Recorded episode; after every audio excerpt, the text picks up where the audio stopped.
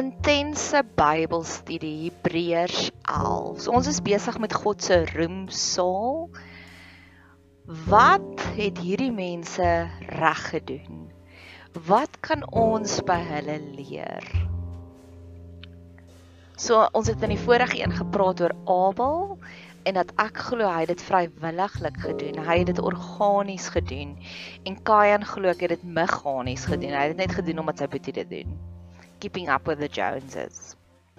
Nou gaan ons praat oor 'n verskriklike interessante geval. Henog. Henog word sover ek weet 3 keer genoem in die Bybel heel in die begin Genesis vertel hulle die storie van Henog het die eendag nog saam met God gewandel en die volgende dag toe is hy nie meer daar nie. Dit God hom sommer direk hemel toe gevat.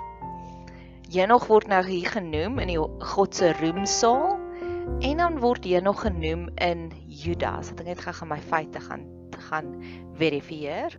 Ja, dit was in Judas waar hy ook genoem is. Henog het 'n boek geskryf die Book of Henog, die boek van Henog. En daar is op YouTube is daar video's van dit en die geheime wat hy daar het. Dis God het hom gewys. Dis hoe engele werk, dis hoe duiwels werk. Dit is hoe die verskillende koninkryke werk. Ek gaan dit nou in Engels sê, but that will blow your mind. As jy in is en al die intense geestelike goed soos engele en demone, as jy van Da Vinci se Code gehou het, dan kan jy gerus die boek van Henog gaan lees of gaan luister op YouTube. Ek het dit al hier en daar begin luister. Ek hou nie baie van sulke sci-fi nie, maar ek is seker of van dit sal sekere mense se cup of tea wees. Want die goeders, die geheime wat God vir hom gegee het. So dis my eerste gebed van geloof. Is Here, ek wil hê U moet vir my geheime vertel soos wat U vir Henog vertel het ek sien Henog so, is Henog was God se happy place. Ek het vriendinne wat hier rondom my bly. Maar daar's van hulle by wie dit altyd lekker is om by te gaan kuier. Hulle is my happy place. Dis altyd vir my lekker om met hulle te kuier. Ons lag. Hulle sê vir my woorde van stigting. Ons praat oor interessante goed. My lewe voel altyd ryker en beter as ek klaar met hulle was. En ek wil graag hê dat my verhouding met God moet so raak met Henog soos wat dit met Henog was. Ek dink Henog het gehang aan God se lippe. En omdat Henog so 'n goeie luisteraar was, het God net meer en meer en meer en meer en meer geheime vir hom vertel. Ek het hierdie studie begin met Jesus wil die heeltyd met ons praat.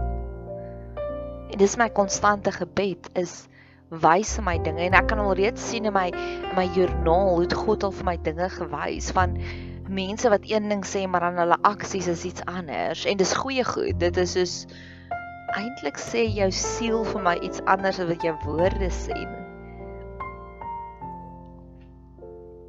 en jy veel uit pot gooi ander ewe kansige random pot gooi wat ek maak in die afgelope 2 weke vandat ek Hebreërs opstudeer het ook fenomenaal verhoog, eksponensieel verhoog. So ek ervaar hoe wil God met my praat en ek weet as hy hy wil met jou ook intens praat.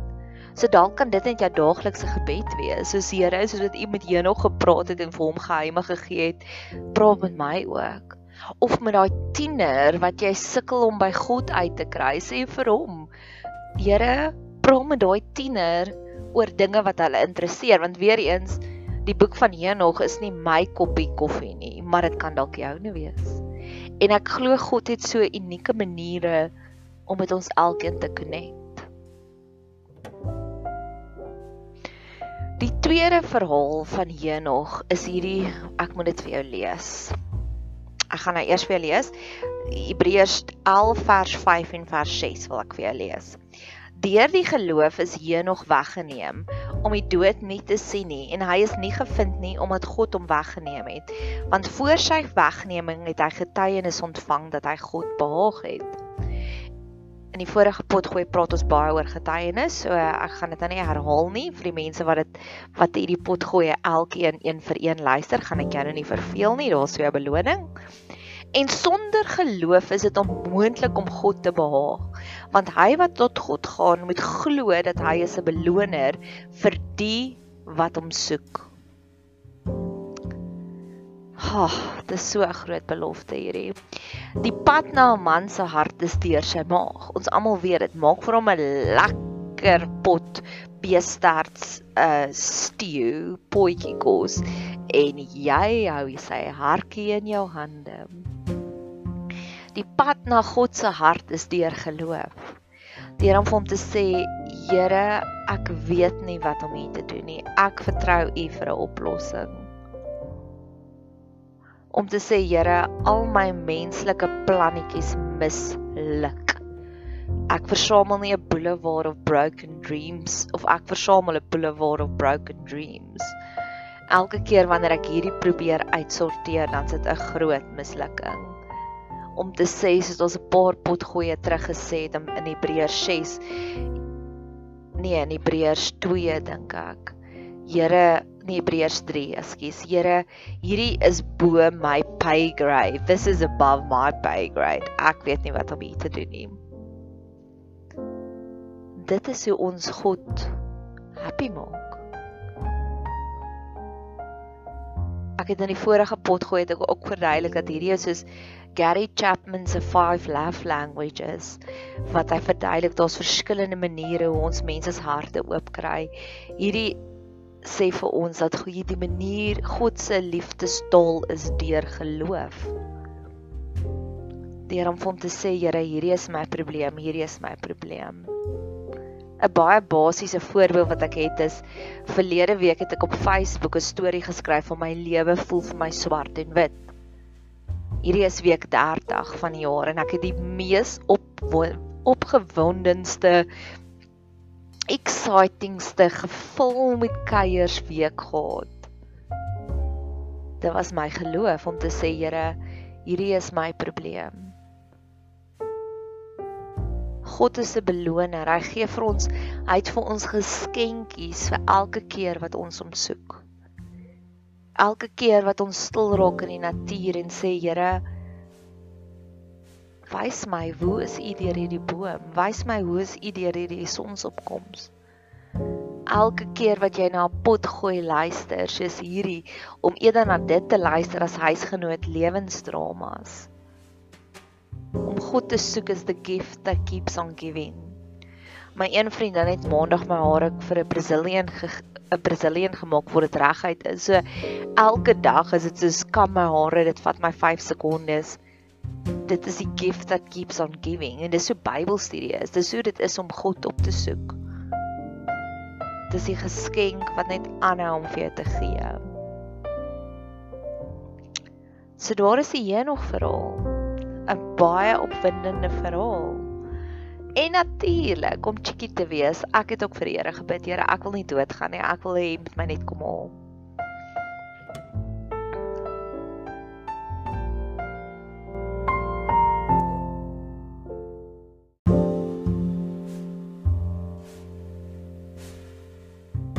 Die volgende voorbeeld Noag. So Noag is waarskynlik een van die mees bekendstes. Ons gaan nou van mees onbekendste Henog na Noag wat ek glo selfs iemand wat nie eers die Bybel bestudeer nie weet van Noag.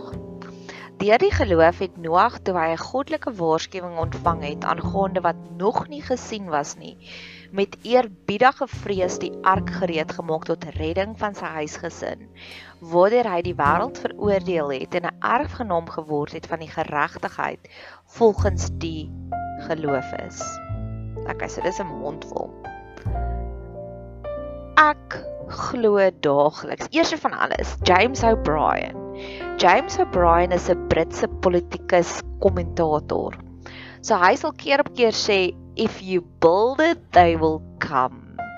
Waar hy die program het waar mense inbel en keer op keer as hy dit sê dan bid ek ja Here ek bou daagliks.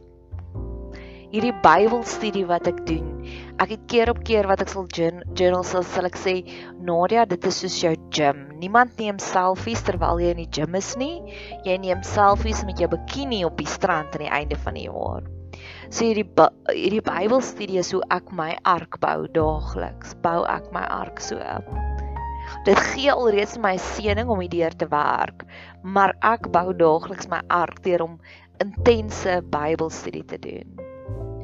Ons het ook 'n bediening en die bediening is tans baie stil want ek glo omdat ons in die pandemie is, is almal net so op survival mode.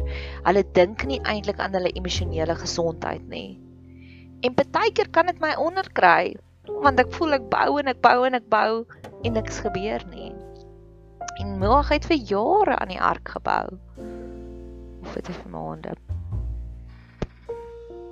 Ja, Noag het vir 120 jaar lank die ark gebou. So ja. Wat bou jy daagliks? Hierdie is dis ook een van my ge gunsteling geestelike lesse om te sê daagliks kry ons bakstene. Wat bou jy met jou bakstene? Daagliks kry ons tyd, energie. Wat doen jy met jou tyd en jou energie? Bou jy 'n toring van Babel, 'n egosentriese toring om te wys hoe ha, kyk hoe oulik is ek?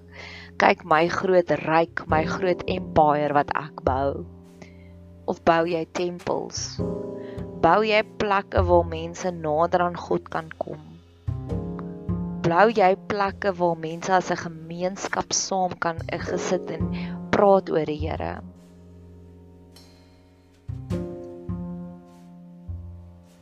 So wat bou jy daagliks? Waar en ek glo ook wat Noag voorstaan is om daagliks aan ons roeping te bou. Dit te bou waarvoor ons gemaak is. En dalk is jy geseën dat jy alreeds weet wat is jou roeping. My roeping is om vrouens te help. En soos ek sê, tans is dit stil waar ek gewoonlik baie navraag kry. So tans bou ek maar net aan my ark. En ek weet ook ek sal terugkyk na hierdie tydperk toe waar ek intens aan die ark gewerk het, waar ek intens Bybelstudie gedoen het, waar ek intens selfsorg gedoen het. So om te bevestig, om saam te vat van die Noag verhaal. Noag het 120 jaar lank gebou aan die ark om 150 dae in die ark te spandeer. Minder as die helfte van 'n jaar. 5 maande.